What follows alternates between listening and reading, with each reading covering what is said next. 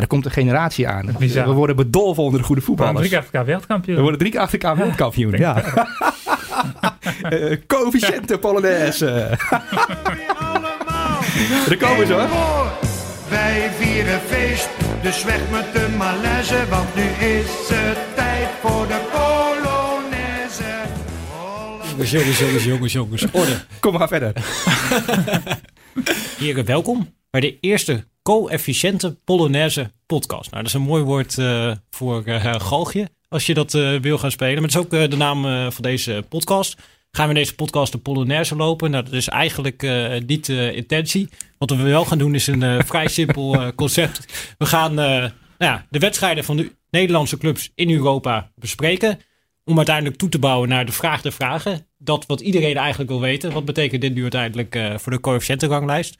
Eh, dat gaan we doen met eh, mij, Pieter Zwart. Maar dat gaan we ook zeker doen met eh Sleeman Usturk. Welkom, jullie.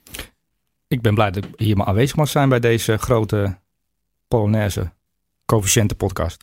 En vreug... Coëfficiënte Polonaise Oh, podcast. sorry. Ja, en ik vreug me vooral op het einde als Michel ons de natie gaat toespreken. En gaat vertellen hoe we ervoor staan qua puntjes. En eh, ja, ik ben echt heel erg benieuwd. Want jij stelde het eigenlijk voor als een soort van weerbericht in het journaal. Dat is eigenlijk in deze podcast is dat ook een beetje het concept. We eindigen met het weerbericht. En dat is eh Michel Abbeck die vertelt eh, of er een coëfficiënte depressie aan zit te komen. Nou, we zijn in dit land heel erg coëfficiënte ranglijst bewust geworden. Dankzij Michel Abink. En ja, dat loopt een klein beetje uit de hand. Want sinds hij erover begonnen is, winnen we bijna alles in Europa. En eh, ja, we stomen langzaam op richting plek 7. En, eh, althans, dat denk ik. Alleen, eh, ik zie iemand naast me al met zijn hoofd schudden. Maar ik ga toch voor vier rechtstreekse Champions League plaatsen straks. Voor de, voor de, voor de Eredivisie clubs. Dat lijkt me, dat lijkt me een mooi streven. Ja, Michel, we willen het natuurlijk nog niet helemaal weggeven wat, wat uiteindelijk de slotconclusie is. Maar kan je met alle data voor je neusjes, die met een laptop voor je neus, al een tipje van de sluier oplichten?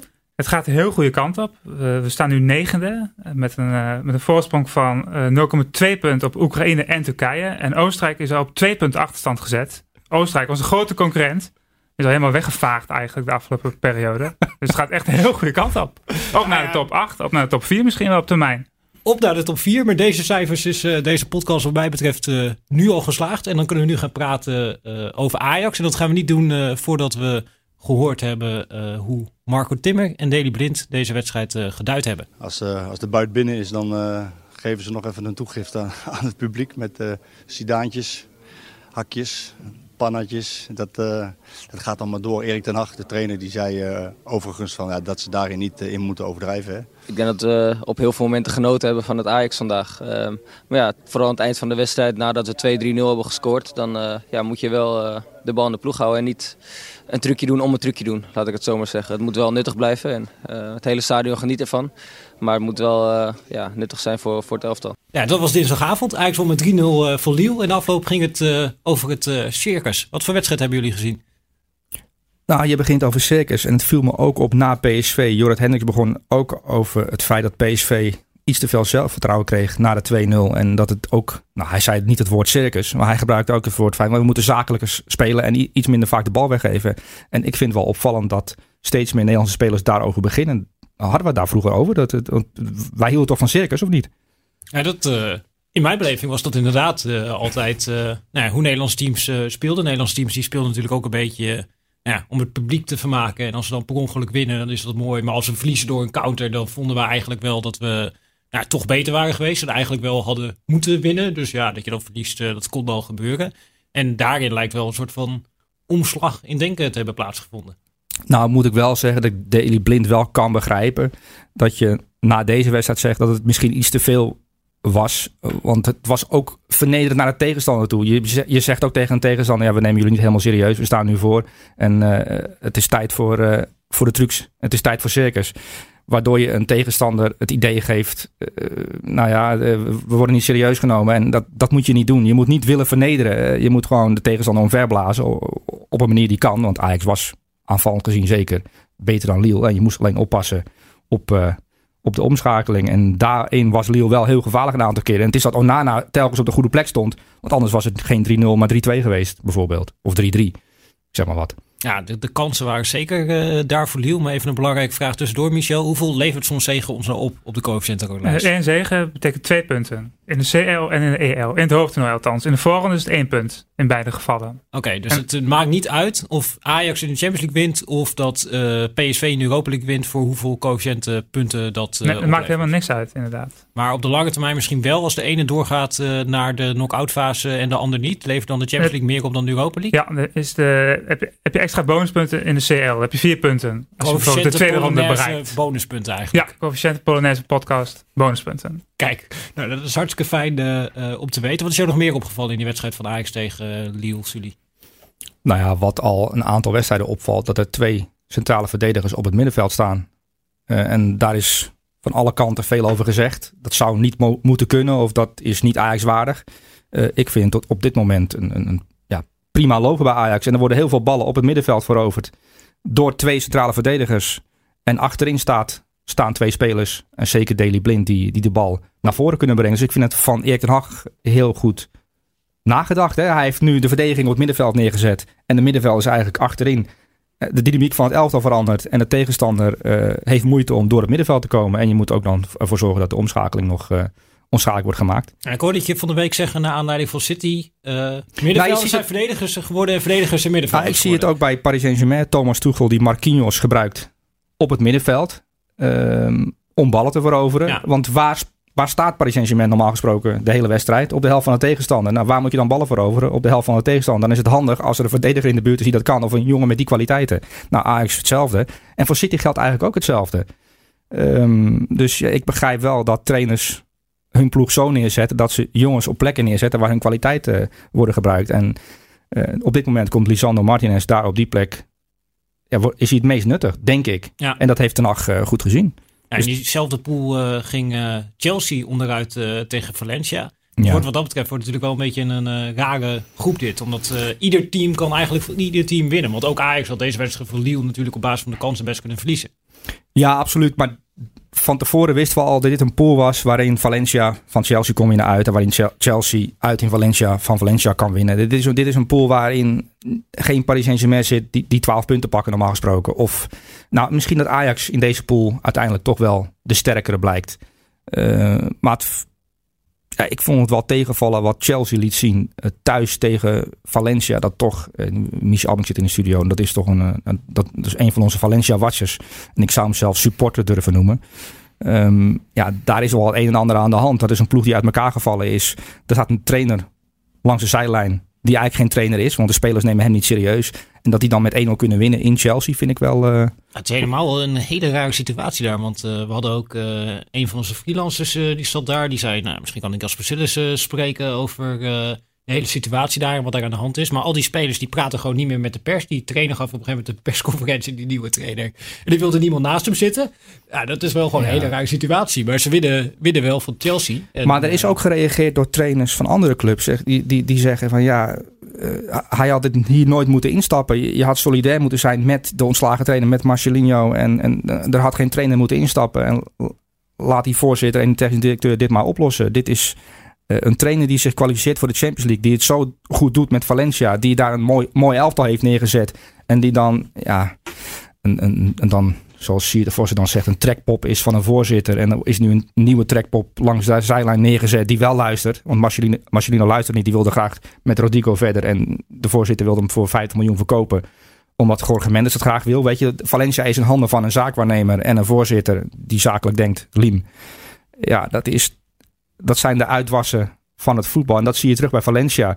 En zijn spelersgroep denkt ook, uh, hier hebben we geen zin in, we houden ons mond. En ja, je moet als Jasper Sillis zijn, zijn er dan ook daar uh, de, de, lijn van de spelersgroep volgen. Je kan dan niet uh, wel een journalist te woord gaan staan, dus dat begrijp ik wel. Ja, over de uitwassen van het voetbal gesproken is Sporting natuurlijk ook een schitterend voorbeeld van de PSV-tegenstander. Want ja.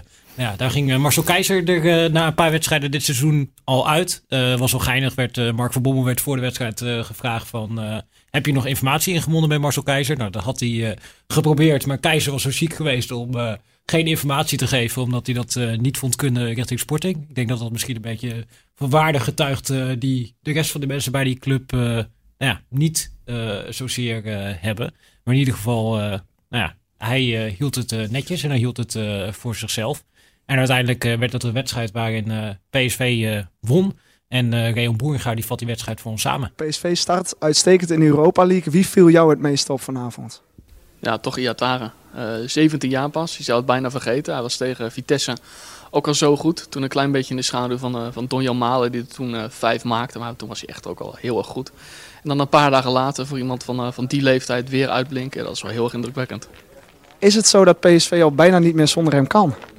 Nou ja, dat klopt. Dat zeg je goed. In deze vorm is hij, is hij zo goed, is hij zo dragend voor het elftal, is hij zo bepalend bij het creëren van kansen. Met zijn passes en met zijn individuele acties. Uh, je ziet gewoon dat PSV met hem op 10 uh, veel beter gaat spelen, tot veel meer kansen komt en uh, ja, gewoon beter in elkaar past. De puzzel, de puzzel ligt goed zo. Ja, de grote uitblinker bij PSV was inderdaad uh, Iataren. Ja, ongelooflijk toch? ja, Reon benadrukt zijn leeftijd. En je kunt als je de alle wedstrijden van in de Europa League en de Champions League hebt bekeken van de Nederlandse clubs, dan kun je bij heel veel spelers een leeftijd noemen. Des 18, Boadou 18, uh, Malen 20. Uh, Bergwijn is eigenlijk ook nog steeds heel jong. En die vergeten we nu door het succes van Malen en Ihataren.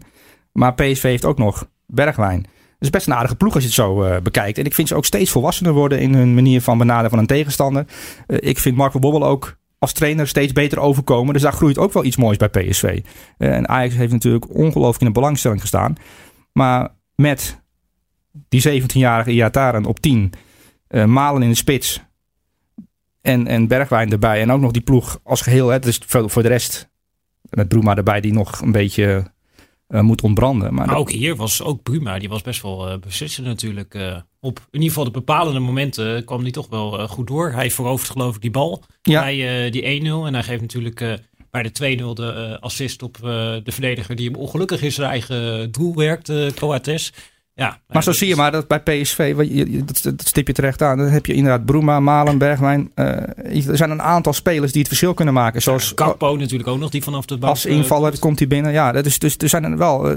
PSV heeft een interessante selectie. En daar zijn een aantal spelers echt zich aan het ontwikkelen. En dat zie je bijna met de week zo groeien. En dat is wel leuk om te zien. En dat zorgt ook weer voor coëfficiëntjes. Dus ja... Ja, twee, twee coëfficiëntjes is dit ook weer. Twee coëfficiëntjes. Kijk. ja, twee punten. Hele ja, punten. Is, is heel erg veel. PSV ja. drie punten, Nederland twee punten. Dat is toch wel ja. even lekker, uh, lekker meepakken. Uh, maar los van die... Uh, ja. Ik, ik heb daar, mag ik nog even wat zeggen? Ik heb natuurlijk. PSV Sporting zitten kijken. En er is één speler.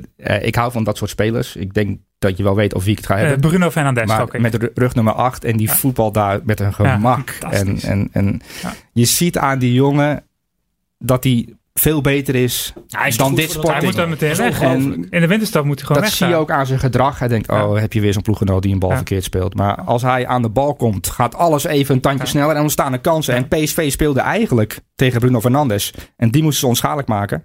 Um, en dat is goed gelukt, want ze hebben gewonnen.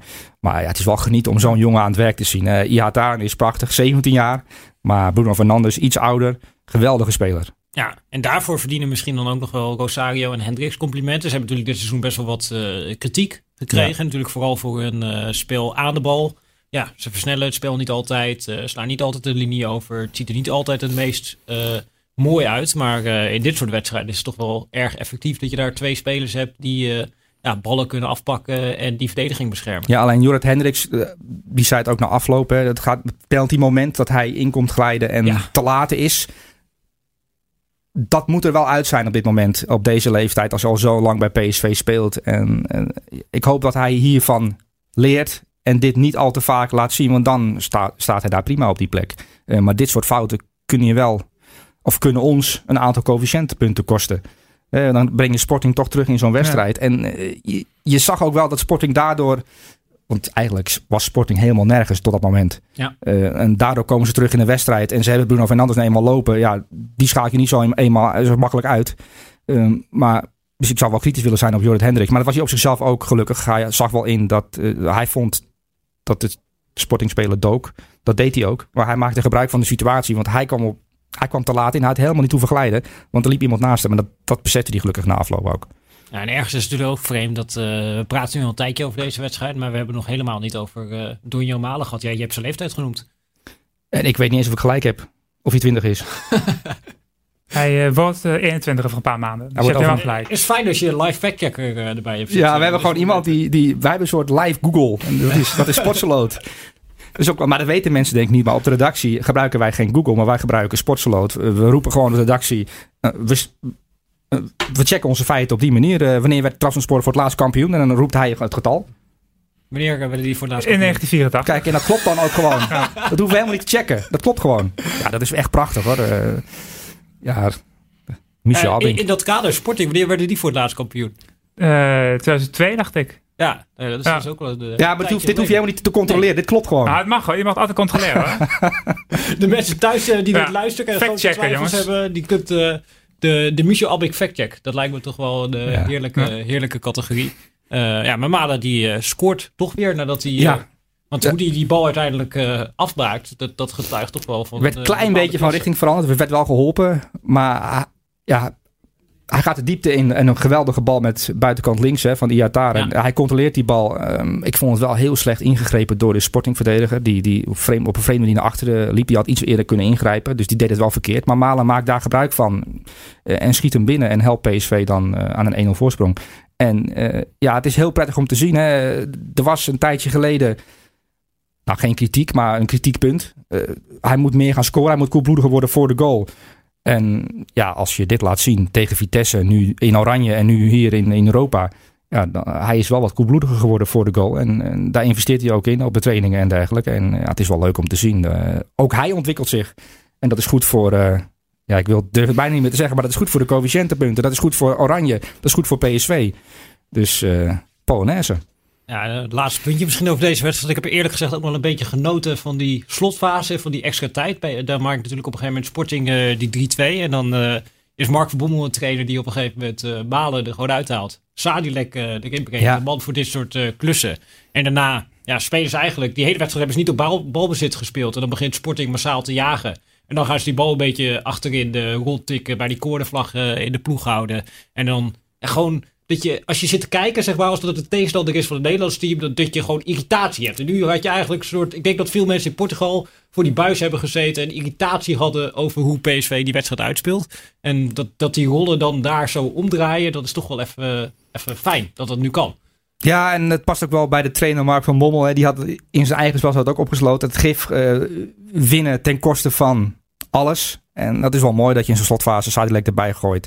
En eh, ja, frustreert. Zoals Atletico dat ook heel goed kan. En eh, ja, wij hebben onze eigen eh, polder Simeone. En dat is Mark van Bommel. En dat is wel prettig. Ja, winnen ten koste van alles, dat noemde Arne Slot ook een van de, als Ah. een van de verbeterpuntjes. Van, Mooi bruggetje. ja, mooi bruggetje. Dat, ik, ik, het is een soort van natuurtalent, toch? Wij hebben helemaal geen presentator Ik ben nodig. echt Nee. geknipt voor inderdaad. Ongelooflijk. Echt indrukwekkend. Ja, nee, Ja. ja, ik ben blij eh, met deze Ja. eh, complimenten. Ik denk, levert ook coëfficiëntenpunten punten op. Als Ik vrees je, van niet helaas. Nee? Nee, onterecht. eh, voor een goed Die verdient echt drie punten hiervoor eigenlijk. Ja. Ja, ongelooflijk die. UEFA. Dat is, eh, ik snap niks van die punten Ja. telling. Maar in ieder geval, Slot eh, die gaf dat eh, aan in het begin van het seizoen. Een interview met eh, Simon Zwartkruis. Van, ja, waar wij beter in moeten worden bij AZ is als wij slecht spelen. Als wij lelijke wedstrijden spelen. Dat we dan ook een resultaat eh, kunnen halen. En gek genoeg was dat nodig eh, tegen Partizan. Dat was een ploeg die, nou, waarvan je wist, die gaan normaal gesproken inzakken. Maar dan pakt AZ een rode kaart. En eh, ja, krijg je een heel ander wedstrijdbeeld. En we gaan even horen wat Simon Zwartkruis, onze AZ-watcher, opviel in dat duel. Ja, er gaat natuurlijk eh, en terecht ook eh, veel aandacht uit naar, eh, de, de brieën en de technische vermogens van de, van de spelers voorin. Naar Boadu, Stenks en, en Idrisi. Maar ze hebben inderdaad ook, ja, ook nog andere kwaliteiten in die ploeg. Dat hebben ze natuurlijk al in die voorrondes van de Europa League ook al een paar keer bewezen. Als ze na een matig resultaat in de heenwedstrijd het in de terugwedstrijd moesten, ja, moesten regelen. Zeg maar, de, de kwalificatie voor de volgende ronde. En dat deden ze dan ook. En ook inderdaad vandaag in Belgrado... eh, ja, onverzettelijkheid, eh, dat is het woord. Eh, jongens als Steun Koopmeiners, uh, en ook ja, achterin Wijndal vond ik ook op dat vlak sterk vandaag, de linksback. En desondanks leek het een verloren strijd. na, na, die rode kaart voor Svensson in de eerste helft hebben ze eigenlijk alleen nog maar teruggelopen, lange tijd in ieder geval. maar goed, dan komen we weer terug op, op de finesse van, van spelers als Stenks en Boadu. Ja, AZ. ik denk, heb, heb, jij die hele wedstrijd gezien, Julie? Ik heb ze niet minuut van minuut helemaal gezien, maar ik heb wel uh, een hele ruime samenvatting gezien en een groot deel van de wedstrijd half bekeken. En, en, en ik was wel in, onder de indruk als je na 30 minuten met 10 man komt te staan, dat je toch nog een punt uh, meeneemt uit de Belgrado. Dat is wel een vervelende tegenstander om tegen te spelen met 10 man. eh, uit. Voor het over 30.000 kinderen. Ehm, en misschien wel het mooiste Europese doelpunt gemaakt door een Nederlandse club. Ja, eh, heb je dan over de Ik heb, het over, ik heb het over de openingstreffer waarbij eh Idrissi, Boadou en Stenks met elkaar combineren. En, en, eh, en daar toch wel een mooi staaltje Nederlands vernuft laten zien. En, eh, en, en, en ons een coëfficiëntpuntje bezorgen. Nee, het was echt een heel mooi, eh, mooi doelpunt. Het was wat mij betreft het hoogtepunt van, eh, van deze week. Ja, want dit wil ik tussendoor even factchecken. We hebben net geleerd, eh, een overwinning waar dan ook levert eh, twee punten op. Eh, en een gelijkspel Eén puntje. In de Champions League en in de Europa League. En, en- ja, alle, in allebei de toernooien inderdaad. Een uitwedstrijd gelijk spelen levert Dat niet. maakt helemaal niks uit. dat uit of thuis. Dat vind ik Nee. onterecht. Ik eigenlijk ook. Ja. Ik vind het heel knap van AZ. Ja, ja, het Ja. Was, eh, was heel knap. Maar eigenlijk, tenminste, ik heb het ook met een eh, half oog zitten kijken en daarna nog een samenvatting eh, gekeken. Maar er leek ja, vrij weinig eh, aan de hand. Ze komen inderdaad door een schitterende combinatie eh, op voorsprong. En dan, En, en ook weer Boadou die dan de 2-2 maakt en eh, op doel afgaat. De keeper komt uit en hij met zijn linker schiet hij hem toch knap binnen. En, en dat ziet er heel simpel uit. Ehm, ik durf het bijna niet te zeggen, maar 18 jaar. Ehm koelbloedig. Eh, Op een heel belangrijk moment de 2-2 binnenschieten in een uitwedstrijd in Europa. Ja, eh, je ziet toch wel door de hele linie heen bij al die clubs spelers zich ontwikkelen. Dat is toch wel interessant, hè? Eh, we hebben Donjal Maal in Oranje gezien. Eh, die is er dan bijgehaald en die scoort dan vijf keer tegen Vitesse. Maar Boadou is toch ook wel een interessante speler aan het zijn en worden. Samen met Stenks. Maar eh, het is toch wel knap dat hij eh, zich op deze manier presenteert. ja, zeker knap. En het is ook wel grappig dat je die connecties ziet ontstaan. De spelers zeg maar, die in de jeugd veel met elkaar Ja. hebben samengespeeld. Natuurlijk Stenks en Boadou eh, ook. Dat die ja, gewoon weten. Het is bijna een soort van. eh, vroeger had je Jonk en eh, Bergkamp. Soms soort combinatie is dit. Stenks die kijkt altijd over de bal heen van. Waar loopt Boadou? Gaat Boadou diep? Eh, en als Boadou gaat, dan krijgt hij hem precies op maat. En ja, zeker in de wedstrijden eigenlijk waarin AZ minder is dan de tegenstander. En waarin ze wat meer ruimte krijgen. Is dit duo echt enorm dreigend. Omdat die Boadou is natuurlijk verschrikkelijk explosief. En ja, Stenks die ziet hem altijd vertrekken. En als hij hem ziet vertrekken, dan eh, kan hij hem geven met zijn eh, linkervoetje. Ja, het, is wel prettig om te zien. eh, je hebt PSV en Ajax, maar je hebt ook AZ dat, dat in, in Europees verband het prima voor elkaar heeft. En ik vind sowieso dat Arne Slot het in zijn eerste maanden bij AZ goed doet. Ik vind hem ook goed overkomen in interviews, in de manier waarop hij over voetbal praat, hoe hij die ploeg naar buiten toe vertegenwoordigt. Ik vind, dat, ik vind dat wel een mooie ontwikkeling eerlijk gezegd. Ja, want het is natuurlijk nou ja, makkelijk om overheen te stappen dat hij best wel wat is kwijtgeraakt. Of in ieder geval Ja. eh, Johnson heeft hij meteen eh, verkocht. Mat Seuntjes eh, is er uitgezet. Volgens gaat Guus Til, eh, die gaat weg. Maher, die natuurlijk vorig jaar een van de smaakmakers was van AZ, die is ook nog vertrokken. En ja, ja, wat is daarvoor teruggekomen? Jordi Klaasie, Dani de Wit. en voor de rest veel eigen jeugd. En nou ja, dat, dat begint toch wel eh, te draaien. Ja, de linksback Owen Wijndal die ook eh, zich prima ontwikkelt. Ja, die, die is een soort van de, de man die profiteert van de veelzijdigheid van eh, Thomas Ouwenjan. Want die kwam natuurlijk op het middenveld toen eh Guus Til op een gegeven moment richting Spartak leek te gaan. En toen gingen ze met de punten naar achter spelen in plaats van met de punten voor op het middenveld. En toen kwam Wijndal erin als linksback. Ja, die kun je nu niet meer weghalen eigenlijk. Nee, die, die bewijst eh, dat, dat hij erin hoort te staan. En dat is ook wel weer... eh, hoe oud is die, Michel? Eh, 21 volgens 21 mij. jaar. 21 ja, jaar. Dat denk ik, hè? Ja, dat is eh, vrij jong. En nou ja, ik, bedoel, linksback. Nou, daar staat natuurlijk bij Nederlands elftal eh Daley Blind. Nou, die staat daar niet eh, bij zijn club. En wat dat betreft is dat natuurlijk een soort van open vacature. En ik kan me wel voorstellen dat eh, hij daarvoor op termijn misschien eh, in aanmerking gaat komen. Zeker als je hem dit seizoen deze ontwikkeling ziet doormaken. Ja, maar het is wel echt een enorm verschil met een aantal jaar geleden. Waar we eigenlijk al voordat de toernooien begonnen uitgeschakeld waren met de clubs. En, en, en heel erg ver waren weggezakt op die ranglijst. Ik weet niet precies waar we toen... We stonden Naartoe- heel diep. Ja, We stonden ooit de 28ste. 28 Over één, jaar, over één jaar gezien, hè? Ja. Over één jaar gezien. Dat was eh, twee jaar geleden. Moet je nagaan waar we vandaan uit. komen. Ja, kwam van heel ver, inderdaad. Ja, in twee jaar tijd. Ja, Dat dat is best wel kort, Ja. eh, die tijd. En tegelijkertijd, eh nee, je ziet eigenlijk bij eh AZ, wat je denk ik ook ziet bij PSV, wat je ook hebt gezien bij Ajax, dat een bepaalde ja, realiteitszin van, ja, we hebben wel onze speelwijze en we proberen het wel op die manier te doen. Maar we kijken ook naar de situatie, we kijken ook naar de tegenstander. En dan voor, in het geval van AZ betekende dat dat ze, ja, toen ze met 10 man kwamen te staan, kwamen ze op een gegeven moment in de problemen. Ja, dan gaan ze gewoon met vijf verdedigers eh, spelen. Met uh, Stenks achter uh, Boadou op een gegeven moment. Een soort van 5-2-1-1 systeem. En dan krijgen ze weer wat grip en controle terug op die wedstrijd. En dan slepen ze er uiteindelijk toch een resultaatje uit. en dat is denk ik toch wel een denkwijze die je uiteindelijk nodig hebt om in ja, dit soort duels te overleven en uiteindelijk resultaat te kunnen halen. Alleen Manchester United wordt wel een wedstrijd voor AZ. Dat is een tegen jeugdelftal. Hè? Zoals je gebruikt op donderdag. Ja, ik zag Chong spelen. Ja, Chong, maar ook Mason Greenwood, 17 jaar. En, is en ook gescoord. En gescoord. Geweldig doelpunt. Moet je echt even terugkijken als je het niet gezien ja, hebt. ik heb hem gezien, ja. En uh, dat hele elftal bestond uit jongens van, nou bijna hele elftal. Plus Matic geloof ik. En, en, de, en de keeper. Romero. Romero. Ja.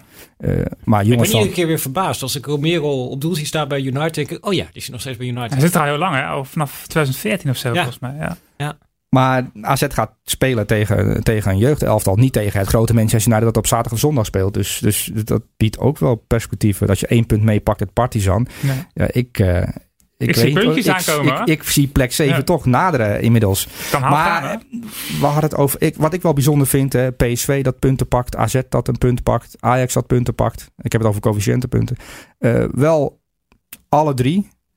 Vanuit, eh, er zijn heel veel jeugdspelers bij betrokken. eh, vanuit de opleiding. En daar is de focus een aantal jaar geleden toch wel meer op ga- gaan liggen. Hè.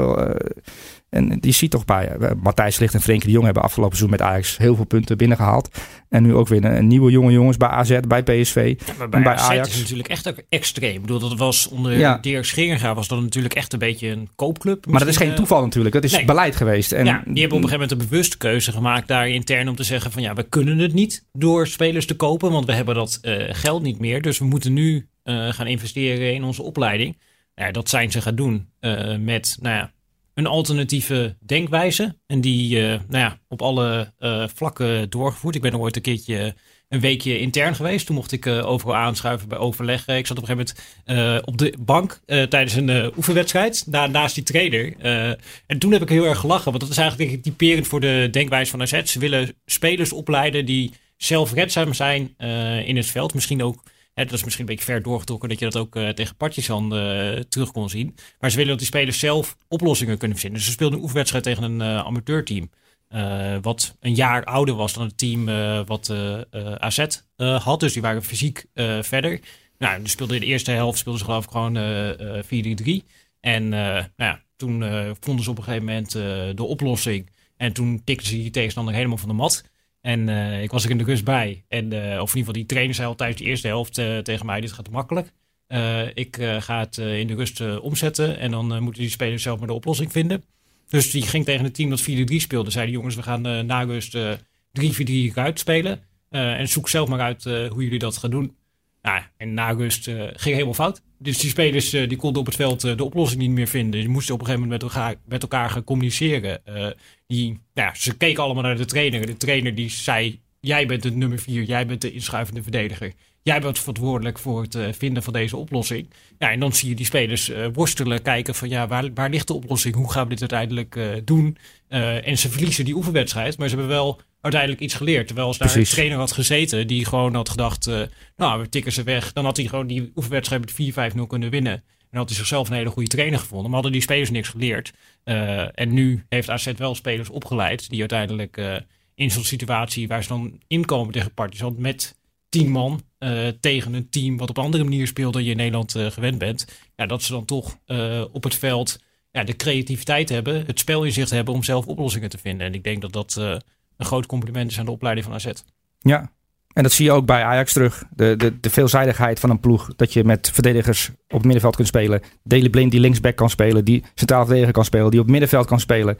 En ja, dat is wel iets wat, ja, wat bij het Nederlands voetbal een beetje gaat horen. Hè? Dat, we, dat we tactisch zeer goed eh, bezig zijn. Dat hoorde niet echt bij het Nederlands voetbal. We waren gewoon een land dat 4-3 speelde. eh, ballen over de vleugels en voorzetten geven. Dat was toch het, het- een beetje het klassieke beeld. Ja. Maar dat is nu toch wel een beetje aan het veranderen. Is eh, zeker aan Met, het eh, veranderen. met al die nieuwlichters. Ja, met alle nieuwlichters en uitvinders. Ja. Wat dat betreft was het natuurlijk interessant ook het interview met Jaap Stam, die op een gegeven moment aan de interviewer vraagt van, heb je zelf op een hoog niveau gevoetbald? Eh, om daarmee eigenlijk het punt te maken. Ik vond op zich wel dat het een legitiem punt was eh, van Stam. Van ja, je speelt tegen Rangers. eh, en Rangers wordt gecoacht door Steven Gerrard. En die heeft heel goed in de keuken gekeken bij Jurgen Klopp. Ja. En je ziet vooral nou ja, bij balbezit van Feyenoord, dan gaan ze met z'n allen jagen. Dan gaat dat stadion erachter staan. En ja, dan is het heel makkelijk om voor je tv te zeggen van ja, speel dat die ja, dan ligt daar de oplossing. Ja. Maar ja, op het veld uh, is dat lastiger. Uh, Stam bracht dat misschien niet uh, op de best mogelijke manier uiteindelijk over in dat interview. Maar ik vond wel dat het een nou ja, terecht punt was. en degene die natuurlijk ook naar die wedstrijd gekeken heeft, is onze VI-clubwatcher Martijn Krabbedam. En er komt natuurlijk veel meer bij kijken. Instelling, overtuiging, de wil om te winnen. Nou, dat was bij Rangers natuurlijk veel meer aanwezig dan bij, bij Feyenoord. Nou, als je dat dan niet hebt, dan wordt het heel lastig tegen een ploeg die, ja, die eigenlijk Met Fernando Rixen, die daar natuurlijk uh, ontzettend populair was. Dat heeft de mensen enorm aangegrepen. Het was volgens mij de manager, Steven Gerrard, die dat ook, ja, die ook een overwinning eiste, zeg maar. Ja, en dat, dat maakt dan wat, wat extra los. Dus je weet dat die ploeg met, met die aanhang en in het stadion, ze zijn terug in Europa en een moeilijke tijd gehad. Ja, die willen zich, willen zich laten zien. En dan is het de kunst om als Feyenoord om gewoon rustig te blijven in, in balbezit en, en zich te laten uitrazen. En zeker in het begin van de wedstrijd zag je dat Feyenoord er een aantal keer goed uitkwam, doordat ze rustig bleven, positiespel gingen spelen. En dan krijg je altijd kansen tegen dat soort, uh, dat soort teams. Ja, en als je dan uh, niet scherp bent, zoals een aantal spelers van Feyenoord was, en je, je zit niet kort, je dekt niet kort, ja, dan krijg je het lastig tegen zo'n zo'n ploeg. Dan, dan gaan ze duels winnen wat ze willen.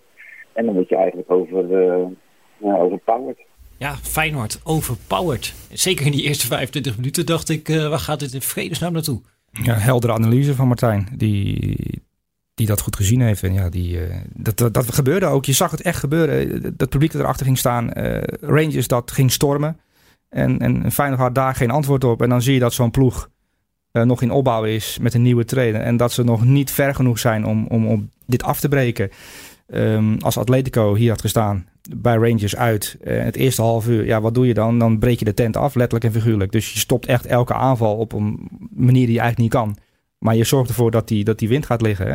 Ja, wat het gekke was dat ik eigenlijk de eerste 7, 8 minuten was best wel onder de indruk van Feyenoord. Niet omdat ze fantastisch speelden, maar het was zeg maar, nou ja, de eerste paar ballen uh, dacht Kenneth Vermeer, jongens, ik uh, speel hem uh, lang en die verlies je dan. Maar in ieder geval, ja, je geeft ze niet de kans om met die druk die ze willen zetten, meteen een keertje hoog op de helft van Feyenoord de bal te veroveren. En daarmee ja. Ja, dat publiek uh, uitzinnig uh, te krijgen. Het eerste moment dat Rangers op een gegeven moment wat verder inzakt. Ja, komt in één keer Renato Tapia naast die twee centrale verdedigers. Gaan ze daar ja, rondtikken. Op het moment dat Rangers druk wil zetten, dan ja, proberen ze natuurlijk naar één kant te kantelen. En dan had Feyenoord twee keer toe een hele goede crosspaas en dan een spel verleggen. En dan kom je op een gegeven moment uh, aan voetballen toe. Ze krijgen natuurlijk in die openingsfase ook nog een uh, kans met Larsson ja. uit die rebound op het schot van Kukcu.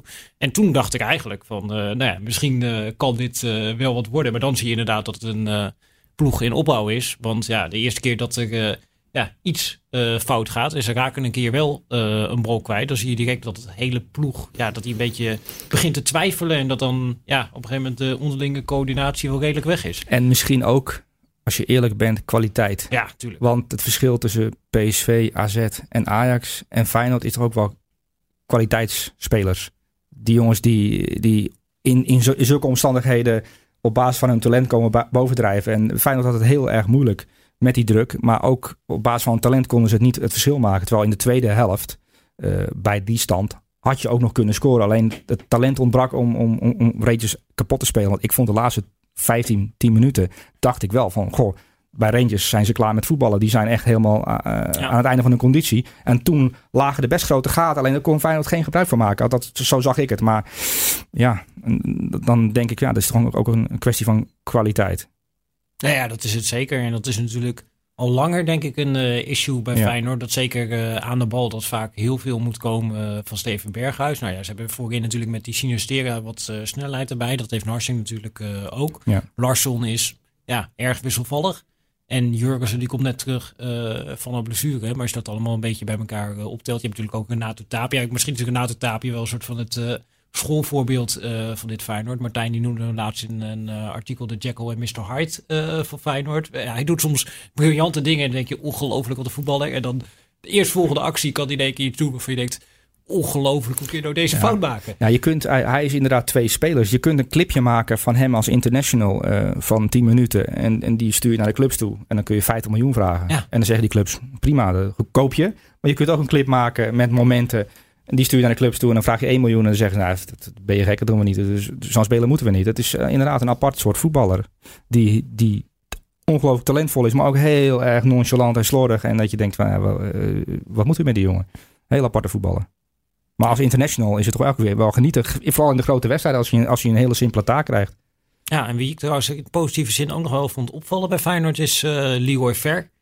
Nou, ik vond op zich dat dat eh, eh, wel knap was eh, hoe hij uiteindelijk dat invulde. Hij geeft natuurlijk ook die paas op Narsing, waar ze nog de beste kans Ja, krijgen ja. van de wedstrijd. En hij is toch wel ja, op die plek iemand die op zijn leeftijd nu stabiliteit brengt. Dus in een wedstrijd met niet heel veel lichtpuntjes voor Feyenoord vond ik dit wel een van de lichtpuntjes. Maar geen punten. Geen coëfficiëntenpunten. Nee, Nul punten inderdaad. nul En coëfficiënt. heeft dat ernstige gevolgen of niet? Nou, nog niet. We hebben nog 18 wedstrijden minimaal de komende maanden. Dus nog heel veel kansen om ons eh, coëfficiënt te verbeteren. Ja, maar voor Ook van Feyenoord wel- zelf trouwens nog. Ja, maar wel lastige pool natuurlijk. Ja, Young. Boys is goed hè. En Porto uiteraard ook. Ik denk dat heel Ik, eh, ik zie uit deze pool Ja. weinig punten komen, eerlijk gezegd. Tenzij eh, Feyenoord weet te stunten. Misschien ja. thuis tegen Young Boys. En thuis tegen Rangers moet toch wel kunnen. Dan heb je zes Ja, punten. ja, maar ja, ja. uit wat lastiger ook tegen Young Boys. Nou ja, en uiteindelijk moet je denk ik een beetje ook hopen op de coëfficiënte leercurve om een beetje in de terminologie te blijven. Eh dat heb je natuurlijk eerder gezien met Feyenoord ook in de Champions League. Dan begonnen ze in die eerste paar wedstrijden en dan gaan ze op een gegeven moment ja, redelijk eh, kansloos eh, onderuit. En dan zie je op het einde dat ze wel mee kunnen komen met eh, ook de betere teams. Dus ik denk dat eh ja, op Stam vooral moet hopen dat zijn eh, ploeg die ontwikkeling eh, gaat doormaken. Maar dan eh, zijn we aangekomen bij het eh, belangrijkste moment eigenlijk eh, van deze podcast. En dat eh, is eh, de Daar vraag. hebben we wel 40 minuten op moeten wachten. Ja. Ja, ja, dat is 40 wel. minuten voorspel hè, is dit gewoon Ja, geweest, hè? 40 minuten voorspel, 40 minuten denken mensen. God, wanneer krijg je nou eindelijk te horen? Wat betekent dit uiteindelijk voor Nederland op de coëfficiëntenranglijst? Michel Albing. We staan negende en dat is heel positief. We hebben twee keer gewonnen, één keer gelijk gespeeld en dus één keer verloren helaas. We stonden aan het begin van de week elfde, maar nu dus negende. Echt een heel knappe opmaas eigenlijk. Dus eh, de, de laatste keer dat we in de top 10 stonden was volgens mij in 2014 of 2015. Dus het is echt heel uniek eigenlijk. Of, eh, we staan op België, de nummer 8. Staan we nog maar 3,5 punt achter. Dat is niet helemaal onhaalbaar dus. Eh, Portugal wordt wel lastig, nummer 7. Want die staan 11 punten voor. Dus eh, echt een hele kloof is dat. Maar ja, Hm. we staan nu negende. Dat is ook gewoon heel erg knap eigenlijk. En levert dat ook extra plaats op dat we nu naar de negende plek zijn gestegen? Eh, ten opzichte van plek 11 nog niet direct. Daarvoor moeten we nog stijgen naar plek 6. Daar mag de top 2 de, de eh, CL in eh, direct. En de achterstand op plek 6, dat is nu Rusland, is nog wel redelijk groot met 12 punten. Dus wat dat betreft is nog heel veel te winnen de komende periode, de komende jaren eigenlijk. Ja, Maar als ik het zo realistisch bekijk en die landen hoor noemen, dan... Kijk, we zijn wel een beter voetballand dan België. Alleen doordat het de afgelopen jaren zo ongelooflijk slecht is gedaan door de Europese clubs. Klopt. En we niet door hadden dat we voor de coëfficiëntenpuntenranglijst moesten vechten. Want vergaten we dat, gewoon dat heel vergaten lang. we. Dat vergaten we heel ja lang. op een gegeven ook moment we Oostenrijk. B-teams spelen inderdaad. Ja, eh, maar de nu, nu het besef er is Ja. dat die coëfficiëntenranglijst toch wel belangrijk Ja. is in ons leven. Ja. Zijn die Nederlandse clubs daar ook... eh, Oekraïne, Oostenrijk, ook zo'n Ja. Oostenrijk. We zijn toch veel beter dan Oostenrijk, waar hebben we Ja. het over eigenlijk? maar, Dat is dan onze grote concurrent geweest al die jaren. Welke clubs hebben die? Lask maar ik moet zeggen, A-agent Die waren gisteren wel goed trouwens, die heeft het goed gedaan. En die hebben een spits, Jonathan David. Dat is Ah, echt een Canadees ja. international. Dat, 19 jaar volgens mij. dat zie je ook maar. Het is afhankelijk van talent. En A-agent heeft nu een, een, een, een goede groep. En die winnen dan van Sint-Etienne. Best knap overwinning. Ja, ja. En de Club Brugge ook al. speelt gelijk tegen Gladserij. Maar Club Brugge heeft ook een goed elftal dat per ongeluk ver kan komen eh, En in geïnvesteerd verband. En die hebben ook flink geïnvesteerd. Dus dat is wel een, een tegenstander om rekening mee te houden. En Luik heeft gewonnen gisteren. Ook wel knap. Luik heeft ook gewonnen. Dus, dus België is wel een tegenstander België moeten rekenen waar we niet zomaar eh, van mee gaan afrekenen in coëfficiëntenland. Ja. Maar Drie puntjes. Het, het is goed te maken dit jaar nog, als alles mee zit. En een weerbericht eh, eindigt natuurlijk altijd met een eh, voorspelling. En dat kunnen we misschien ook wel met dit eh coëfficiëntenblokje doen als eh, afsluiting. Wat, wat, wat is de coëfficiëntenverwachting voor de komende speelrondes? Dus heel veel zon aankomen. Eh, Ja? ja? Het gaat nu al heel goed. En eh, ik ben heel positief gestemd over de komende speelrondes. Nou ja, ik heb Maar er als ik- in, toch? ik, ik- ach, stel je voor dat Ajax de halve finale van de Champions League bereikt. Dat is- is, onmogelijk. Nou, dat, dat zeiden we vorig jaar volgens mij ook. En PSV En de halve finale van de. Europa League. Als, dan hebben we heel veel punten. Zouden we dan per ongeluk op plek 6 kunnen komen? Dit jaar niet, maar op termijn wel. we kunnen zeker op plek 8 terechtkomen dit jaar. Dat is gewoon haalbaar. Dat moet En- gewoon het doel zijn. PSV en AZ en Ajax in minstens de kwartfinale van de Dat Europese is gebeurd in toernooien. 1996. Toen stonden we vierde op die coëfficiëntenlijst. Ja, mensen denken dat dat jij gebeurt- dit opleest van een lijstje, maar dit is allemaal uit het hoofd. dat Dat is gewoon basiskennis toch? Basiskennis, Basiskennis, absoluut. Toen waren we heel Ja. goed in 96. Maar, 1981 en 78 ook trouwens. klopt. Toen waren we bovenaan zelfs even in 78. Op de, op Kun je de- nagaan, toen was het echt ultieme Polonaise. Bovenaan op de coëfficiëntenlijst. sinds wanneer bestaat Toen die was- coëfficiëntranglijst eigenlijk? Eigenlijk al vanaf 1955 toen het begon met Europese voetbal. Maar hoe kan het dat wij nooit wisten dat die lijst bestond? Ik wist het al een tijdje. Ja, jij wel, maar de rest van Nederland eh Nou, wist dat kennelijk niet. Nee, Nee. want het slaat aardig aan. eh.